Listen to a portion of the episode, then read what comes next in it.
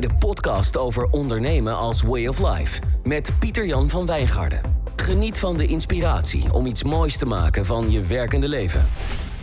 Welkom bij Do I Have a Choice, de podcast die gaat over ondernemen als way of life. Dit is editie nummer 12. Tof dat je luistert. Mijn naam is Pieter Jan van Wijngaarden. Ik ben ondernemer en blogger op het platform Ondernemen als Way of Life. En super als ik er kan bijdragen om jouw werkende leven ook ondernemender in te richten.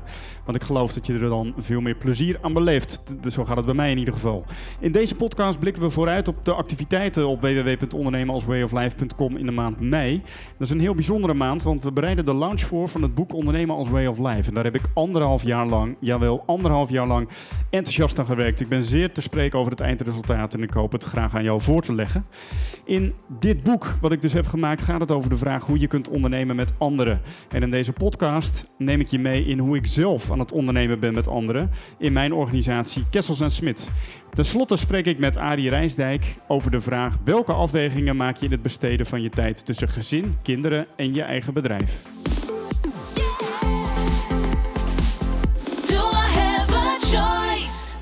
Hoe ziet een netwerkorganisatie eruit zonder hiërarchie?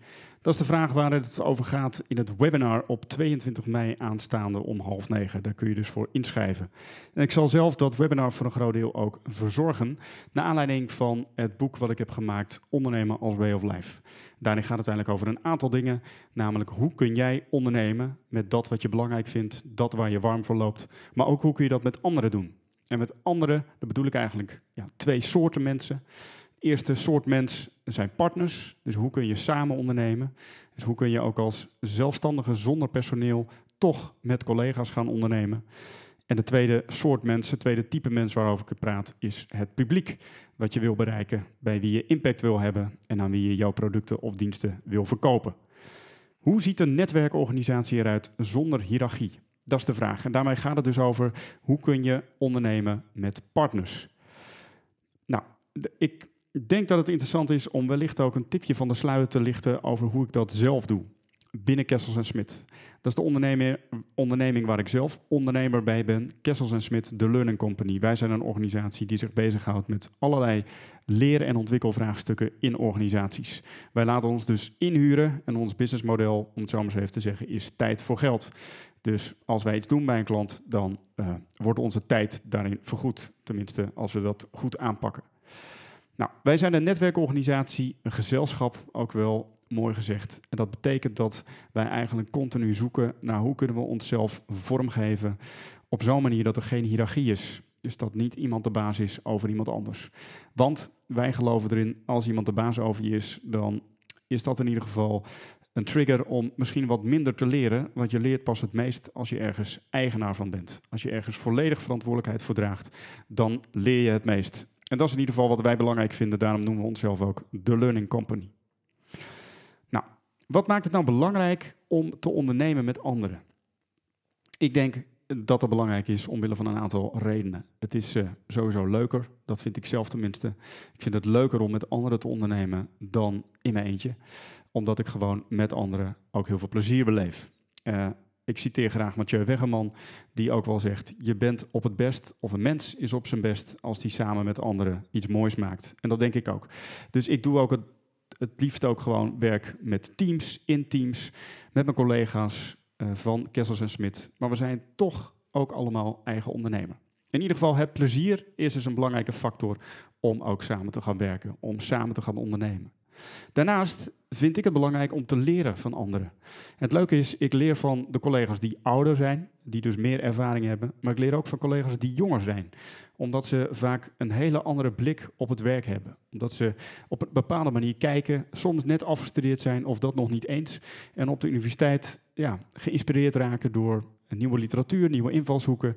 Of, en dat gebeurt eigenlijk veel vaker, gewoon door hun manier van leven en hoe ze ook tegen de wereld aankijken. Het feit dat ze gewoon echt ook geïnspireerd worden door idealen en dat wat ze belangrijk vinden door de wereld beter te maken. En ik wil daar in ieder geval persoonlijk ook door gevoed blijven. Dat ik echt uh, ja, ook voeling houd met mensen die vanuit idealen werken, omdat ik dat zelf ook belangrijk vind. Dus naast het plezier ook ja, aangestoken worden uh, door anderen, gevoed worden door anderen, leren van anderen. En daar hoort bij, en dat is misschien een derde, namelijk dat je ook ja, feedback ontvangt van anderen. En de momenten dat ik feedback ontvang, zijn niet altijd de leukste momenten. Ik vind, ook altijd, uh, ik vind het soms ook gewoon best wel heel lastig om feedback te ontvangen. En dan kan ik ook nog wel eens een nachtje over wakker liggen. Maar tegelijkertijd leer ik er wel van. En ik kan, en misschien werkt dat bij jou ook, ik kan vaak eigenlijk nog wel de momenten terug uh, roepen, terug herinneren waarin ik feedback kreeg van anderen. En uh, ja, die zijn ook ontzettend waardevol geweest in mijn eigen ontwikkeling. Dus ik merk dat ik daar beter van word. En ik merk dus ook dat zij af en toe, ja, uh, dat collega's dingen van mij herkennen die ik zelf niet herken. Soms omdat ik, ze niet wil zien misschien, maar soms omdat ik er ook een blinde vlek voor heb. Dus dat is de wat minder leuke kant van feedback. Er zit natuurlijk, dat is dan misschien de vierde, dus naast het plezier, het gevoed worden door inspiratie en idealen, feedback krijgen, merk ik dat ik ook gewoon een aantal dingen heel goed kan, maar ook een aantal dingen uh, heel slecht. En die wil ik ook liever niet ontwikkelen. Met andere woorden, het is voor mij een manier om verantwoordelijkheid te nemen voor mijn talent. Door te werken in een team, door samen te ondernemen, kan ik dus iets vormgeven wat groter is dan mezelf. Waarin ik dus ook meer talenten kan benutten dan alleen van mezelf. En ik merk dat ik dat zelf heel prettig vind. Want bijvoorbeeld zoiets als administratie, ja, die komt dan toch weer voorbij. Dat is iets waar ik echt wel in wil leren, waar ik ook wel beter in wil worden, maar ik zal daar nooit een expert in worden. Moet ik uitkijken dat ik niet een statische mindset aanneem. Maar in ieder geval heb ik collega's om me heen, mede-ondernemers, die daar veel beter in zijn. Echt de businesskant, de harde kant van het ondernemen. En ik laat me daardoor ook graag voeden en ook inspireren, waardoor ik weer met andere dingen, misschien het ontwikkelen van nieuwe producten, ben bezig kan houden. Dat vind ik dan leuker. Goed, dus dat is het waarom. Waarom zou je ook gezamenlijk willen ondernemen? Nou, dat uh, komt dus naar voren in uh, vier punten, namelijk plezier, uh, gevoed worden door inspiratie en idealen, feedback ontvangen en ook een mooie set van talenten. Nou, hoe ziet nou een netwerkorganisatie eruit zonder hiërarchie? Bij Kessels Smit bouwen we die onderneming eigenlijk op basis van twee principes. Namelijk het ik, zou je kunnen zeggen, een principe waarin dat wat je zelf te brengen hebt, jouw eigen passie, of datgene waar je zelf warm voor loopt, eigenlijk heel belangrijk is. Dat moet je dus weten van jezelf. Ik denk ook dat het belangrijk is dat je jezelf, ja, wat dat betreft, ook echt een beetje moet kennen. Wil je in zo'n organisatie stappen? Um, je moet jezelf kennen om jezelf ook te kunnen sturen. Maar daarnaast, naast het ik, ook het wij. En daarin is voor ons een principe als de wederzijdse aantrekkelijkheid heel belangrijk. Dus hoe ja, hoe geef je het met elkaar vorm? En wij geloven erin dat er een soort balans moet zijn tussen geven en nemen. Dus je zou kunnen zeggen dat voor alle collega's van Kessels Smit kan ik eigenlijk, dus alle ondernemers van Kessels Smit moet ik dan eigenlijk zeggen, kan ik eigenlijk aangeven wat ze brengen aan het netwerk. En op die manier is Kessels Smit, zeg maar, ja, wederzijds aantrekkelijk voor iedereen. Dus iedereen brengt iets in het gezelschap in de vorm van talenten, een bepaalde kijk, een bepaalde visie. En ja, doordat iedereen iets brengt, haal je er ook iets uit. En kun je dus met elkaar er iets moois van maken dan wat je eigenlijk in je eentje kunt doen. Dus hoe maak je het wederzijds aantrekkelijk? En ja, dan kun je natuurlijk op een aantal manieren ook denken. Namelijk, goh, je legt iets in, bijvoorbeeld qua geld, en je krijgt er ook iets uit. Nou, dat is een bepaalde investering. Daarmee kan het wederzijds aantrekkelijk worden. Maar Bijvoorbeeld ook de dingen die ik zo net noemde, doordat je van elkaar kunt leren, doordat ik een bepaalde aanpak heb, bijvoorbeeld het gebruik van multimedia, uh, webinars, dat soort dingen waarmee ik ook experimenteer op ondernemen als way of life. Dat maakt mij ook aantrekkelijk voor collega-ondernemers, terwijl die andere ondernemers ja, weer heel iets anders brengen. Bijvoorbeeld ondernemen in het buitenland. Um, of het netwerk, ons gezelschap, zeg maar, uitbreiden in Duitsland of Zuid-Afrika of België of op andere plekken. En zo houden wij dat netwerk zeg maar, in stand aan de hand van het principe wederzijdse aantrekkelijkheid. Nou, ik zou het leuk vinden om daar in het webinar nog iets meer, uh, zeg maar, uh, ook aandacht aan te besteden om dat wat meer uit te leggen. Um, eigenaarschap heb ik ook al genoemd. Hè? Dus um, het moment dat je ergens eigenaar van bent, dan is het dus belangrijk dat je, of dat, wat dat oplevert, is dat je er extra hard voor gaat lopen. Nou, dat is voor ons een belangrijk principe, omdat wij een lerende organisatie willen zijn. Nou, hoe kun je nou op pad, hoe kun jij nou ja, mogelijk vorm gaan geven aan zo'n ondernemend netwerk, als je dat graag zou willen? Nou, een manier om dat te doen is bijvoorbeeld door de Golden Circle te volgen van Simon Sinek. Dat is in ieder geval een aanpak die ik eens heb gehanteerd, ook in het ondersteunen van een, van een aantal ondernemers die gezamenlijk aan de slag wilden. En die Golden Circle, nou, die ken je vast wel, dus ook geen rocket science, maar die bestaat dus uit drie stappen, namelijk het why, het how en het what. Het why, het how en het what. En als ik bijvoorbeeld kijk naar Kessels en Smit, dan zie ik ook dat wij met elkaar echt een grote verbinding maken op het why.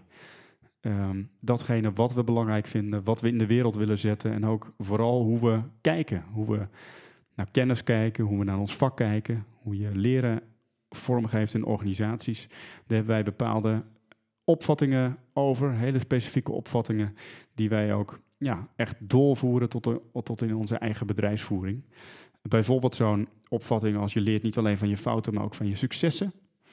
En het helpt dus daarom om ook te kijken wat er goed werkt en niet alleen wat er niet goed werkt, zodat je daarvan kunt leren. Maar ook bijvoorbeeld dat wij ehm, echt geloven dat kennis een persoonlijke bekwaamheid is en niet zomaar informatie. Dus kennis is wat dat betreft echt gekoppeld aan personen.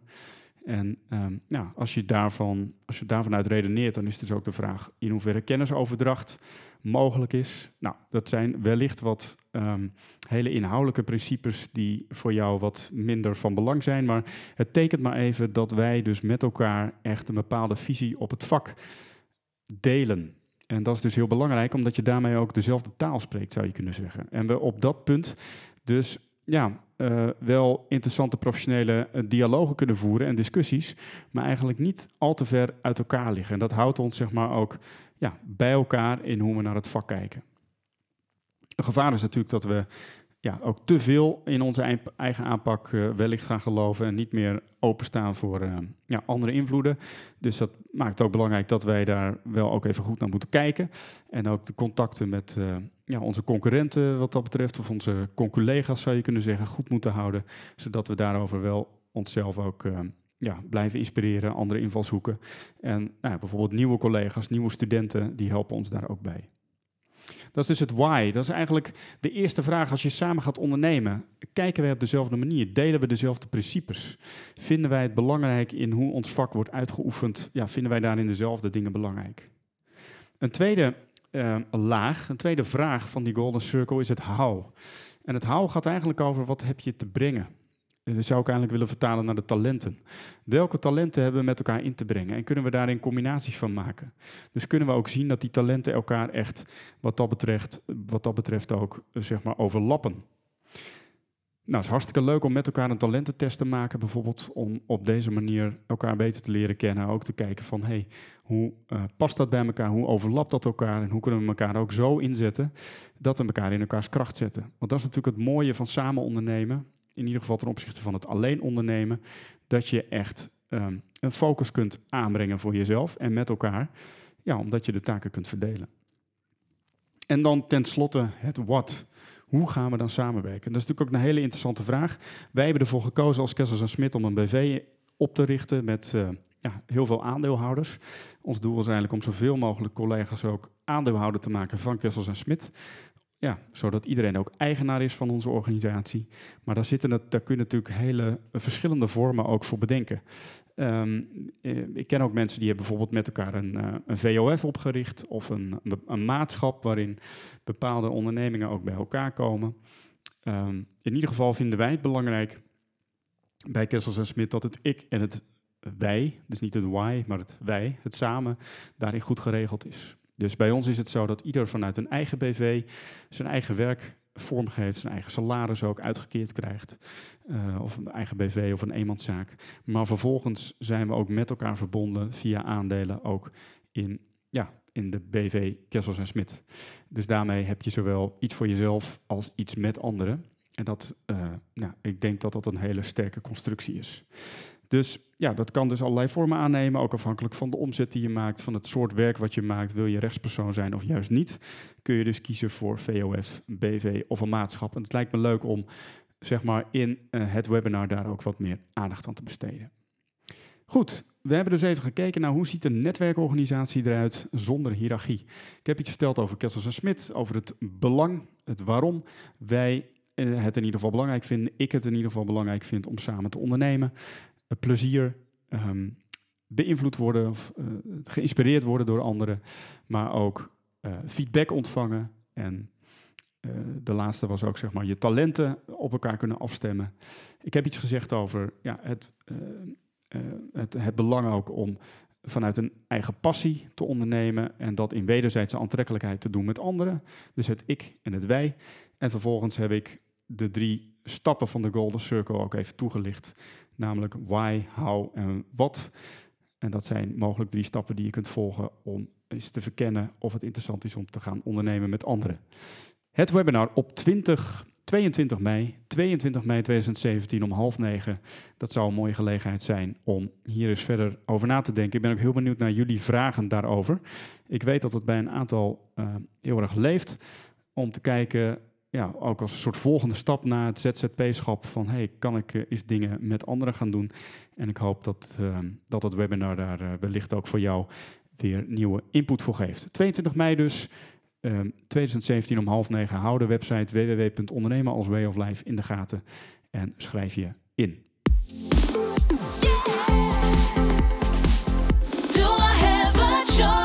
We besluiten deze podcast met het beantwoorden van een ondernemersvraag. We leggen een vraag voor die door jullie zelf gesteld is aan Arie Rijsdijk. Saxofonist, levensgenieter, criticaster en vooral ervaren op welk levensgebied dan ook.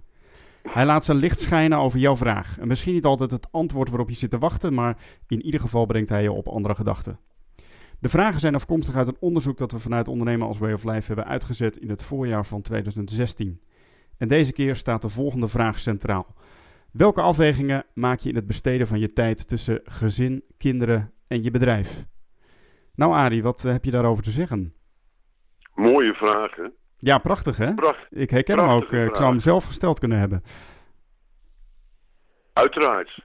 en die vraag, uh, die vraag, als je een beetje de, eh, de, bewust bezig bent, vraag je je dat af op elk moment en in, in elke levensfase. Ja, dat is... Dat, ik, vind, ik, vind, ik, ik vind wel dat, het, de, dat de vraag ook, de, de beantwoording van de vraag ook uh, beïnvloed wordt door een aantal dingen. Ook de, de, in welke fase van je leven zit je. Uh, ja. ja, dus als je bijvoorbeeld kleine kinderen hebt, is het weer wat anders dan als je opgroeiende pubers hebt, bijvoorbeeld. Bedoel je dat? Of? Ja, nee, maar de, uh, in de afwegingen van je gezin, familie of, en dan de, versta ik er ook onder je naasten. Ja. Als, je, als je 13 bent uh, en je gaat vol voor turnen, ja. dan ben je monomaan en dan doe je alleen maar dat. En je, je stelt je geen enkele vraag meer. Wat je vaak ziet bij de topsporters, die zijn helemaal monomaan. Sven Kramer had nooit wereldkampioen 26.000 keer kunnen worden als je die daar niet monomaan mee bezig was geweest. Je ziet wel aan de ontwikkeling van die jongen, als je wel eens naar televisie-interviews kijkt, dat hij uh, wat, uh, nou ja, verstandiger wil ik niet zeggen, maar dat hij wat meer ook relativeert. Ja, ja.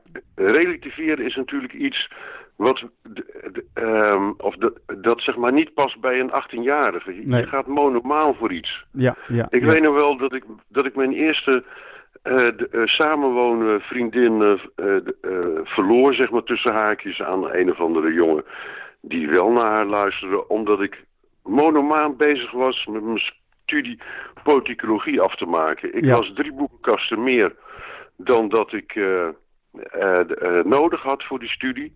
En ik besteedde totaal geen, geen tijd aan haar. Nee, nee, nee, nee. Dus... Nou, dus ze ging uh, haar gesprekjes en haar gevoelens ergens anders neerleggen. Ja, toen was het snel gebeurd. Ja, ja, ja. ja. Dus relativering dus komt ook met de jaren, zeg jij? Of niet? Dat is een soort wijsheid die met de jaren komt? Ja, dat, dat is misschien wel zo. Maar je, je kan natuurlijk jezelf niet ontslaan, ook al ben je 18 om enigszins je af te vragen waar je mee bezig bent. Ja, en ook dat, je, dat kun je, je af te vragen wel, hoe, dat, uh, hoe het met je sociale contacten zit en dat soort dingen hoe het, hoe het zit met uh, die aandacht voor andere mensen en waar, je die, waar je dat mee compenseert. Ik heb bijvoorbeeld een topsporter gezien, die had een konijn in de, de, de, uh, de in de huis staan. Ja, dat, daar praten ze uh, constant mee. Dus de behoefte aan, aan menselijk contacten is er dan wel.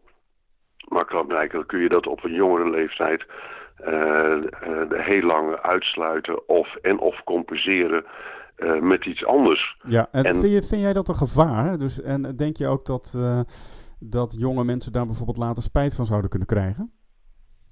Ja, dat is het. Je moet natuurlijk nooit ergens spijt van krijgen als je de, keuzes hebt gemaakt. Je ziet wel dat ze daar problemen mee krijgen. Ja.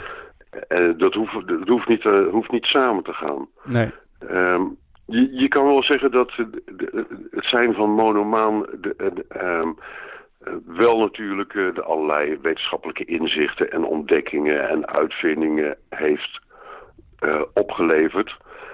Uh, maar als je um, die biografieën van die mensen gaat le lezen, het beeld zou zijn dat die mensen echt helemaal daarmee bezig zijn geweest. Maar het tegenstelde is waar. Die hebben juist ook inspiratie geput uit de mensen om hen heen. Ja. De liefdesverhoudingen die ze dan hadden. Uh, of uh, de kleine kinderen die ze toen hadden. Of uh, de vrienden die ze toen hadden. Ja. Het is wel degelijk zo dat mensen daar ook inspiratie uit uitputten. Ja. En dus... welke afwegingen je maakt, ja, dat, die zijn ook mede afhankelijk van de fase van het leven waarin je zit. En als je het hebt over gezin. Ja, als je kleine kinderen op de wereld pleurt, dat vind ik allemaal goed. Maar als je dan geen aandacht aan ze besteedt, dan onttrek je je aan je verantwoordelijkheid. Ja, ja. En ik weet uit eigen ervaring dat dat, uh, uh, dat, dat natuurlijk een, een valkuil is waar je intrapt. Maar je draait je om en je draait je nog een keer om en uh, je ziet plotseling uh, uh, dat je kind 21 is. Ja. En dan denk je, wat de hel enzovoort gebeurde er. Ja, ja, ja. ja.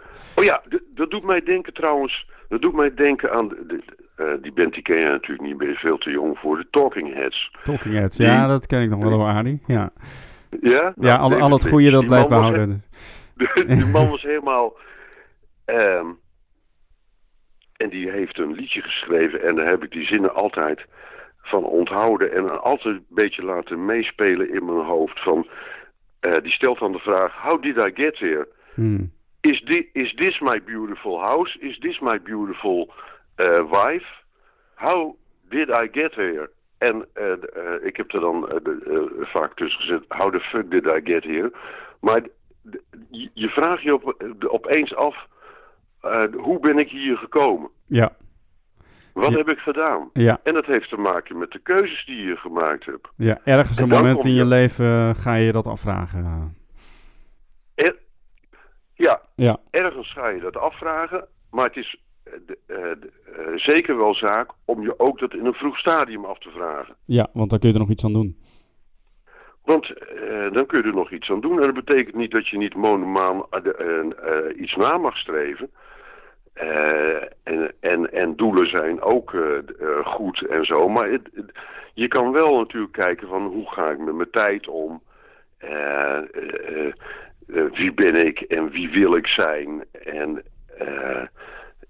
streef ik iets na wat eigenlijk niet haalbaar is. Ja, nou ja, dus wat ik jou hoor zeggen is van uh, uh, focus uh, helemaal oké. Okay.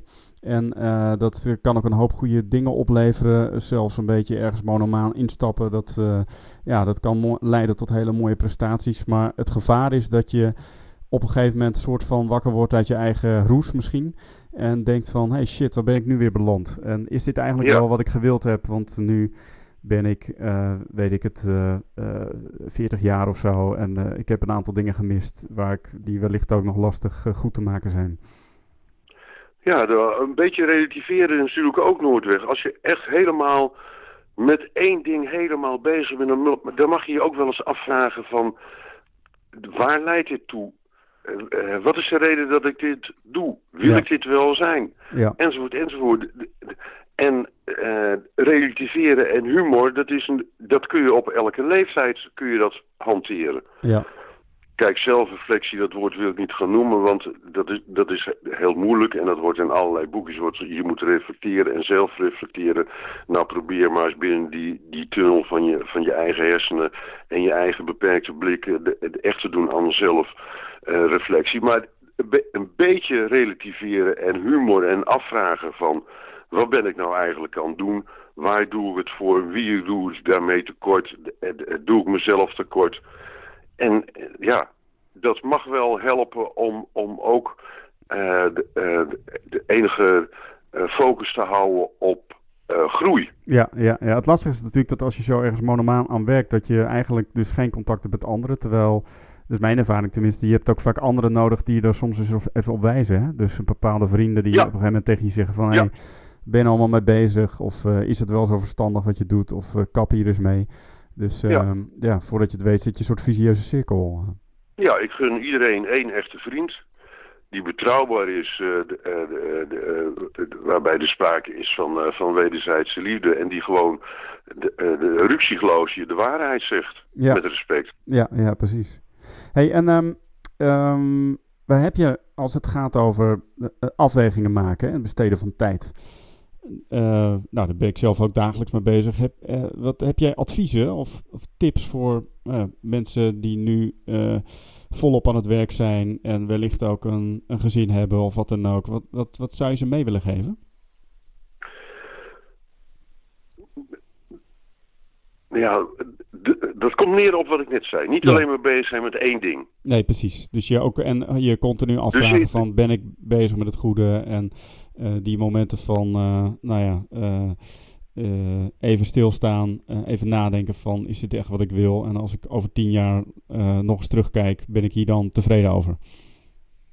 Ja, ik bedoel, je, je, kan wel een dagindeling geven, maar daar gaat het niet om. Als ik politicus ben en ik heb een, een, een, een flat in, in Den Haag en ik moet daar constant met drie slagen in de ronde rennen, dan heb ik geen zogenaamd geen tijd om aan mijn gezin te, te besteden die in Zuid-Limburg zit. Ja. Bij wijze van spreken. Ja. Maar je kan wel elke dag vijf minuten met je zoon of met je dochter of met je vrouw bellen. Ja. Op zijn minst. Ja. Of een beeld, eh, of een beelddinges uh, aanleggen. Ja. Je kan er wel voor zorgen dat je het weekend, als je er dan bent, ook nog niet met een koffer vol met stukken gaat. Maar dat je eens een keer naar uh, de, de, dierentuin gaat of naar, uh, weet ik veel, naar een kinderspeelplaats. En dan niet constant je, in je hand staat met je mobiele telefoon, wat ik vaak zie als mensen op een kinderspeelplaats staan met hun kleine kinderen. Maar ook echt aandacht aan besteedt. Ja, ja. ja. Dus het gaat erom dat je, um, dat, dat je in de gaten houdt um, dat er ook, ja uh, tijd moet zijn voor je eigen groei en ontwikkeling, die van anderen. En dat je daar die tijd die je daarvoor reserveert, dan ook uh, daar wel voor gebruikt. En niet alles door elkaar laat lopen. Nee, precies. En wat ik ook hoor is dat je ook verantwoordelijkheid neemt voor het feit dat je dan een gezin hebt of, of, of een partner, een relatie. Dat, dat vraagt ook investering. Dat kun je er niet alleen maar bij behangen. Ja, dat, dat vind ik een, een respect hebben voor de ander. Ja. Als, je, als je zeg maar alleen maar 80 uur in de week uh, uh, onderzoek wil doen als microbioloog, ik vind het goed. Uh, maar, maar ga bij wijze van spreken dan geen vriendin nemen. Ik noem maar iets. Ja. Dat is natuurlijk een beetje flauw. Maar ga dan, of ga dan geen kinderen nemen. Als je, maar als je een relatie neemt en je, je neemt kinderen, daar heb je daar ook een verantwoordelijkheid voor. Hoe wil je je later herinnerd worden? Ja, dat is als vader zijn. Ja, ja, ja, ja, ja, dat is of, ga je op je, of ga je op je zeventigste nog even repareren als uh, die jongens en meisjes al, al 30 of 40 zijn. Nou, ik heb boeken gelezen of films te zien van dames en heren die uh, zo'n vader hadden. Die zijn niet mis hoor, die, uh, die filmpjes of die interviews of hoe dan die kinderen omgaan met die, uh, die vader of die moeder.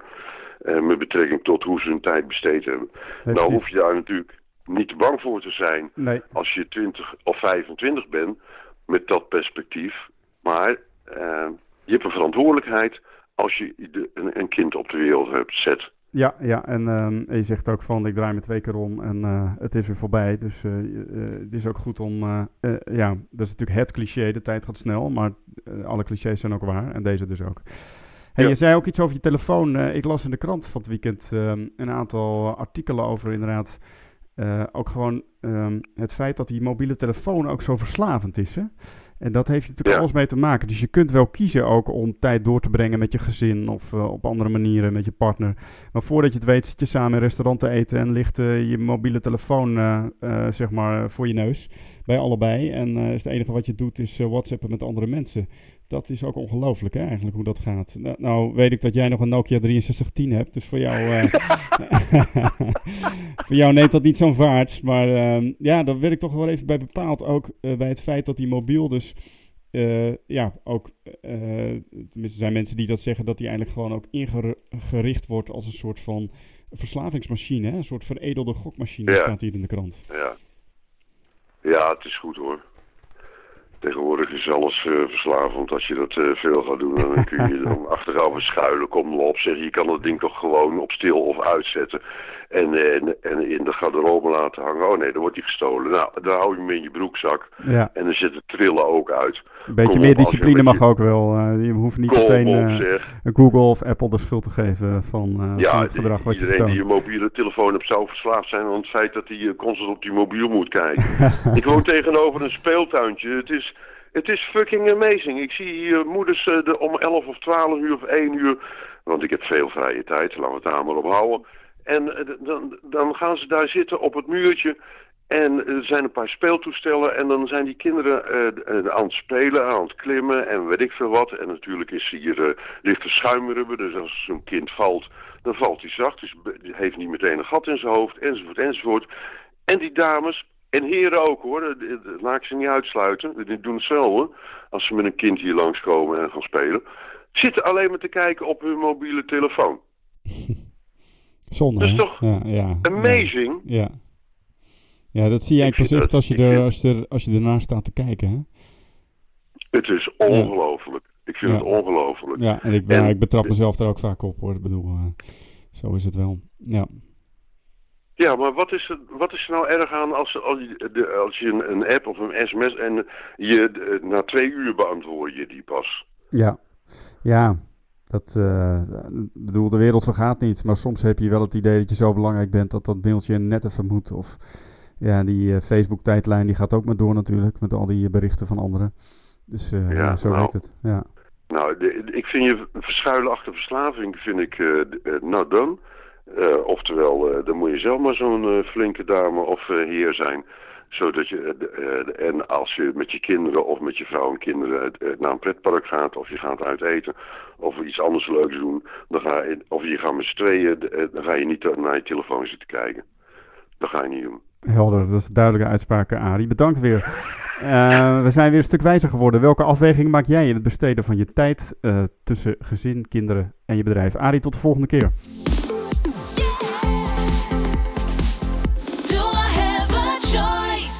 Dank voor het luisteren naar deze podcast Do I Have a Choice? En hou voor meer informatie vooral onze website in de gaten www.ondernemenalswayoflife.com.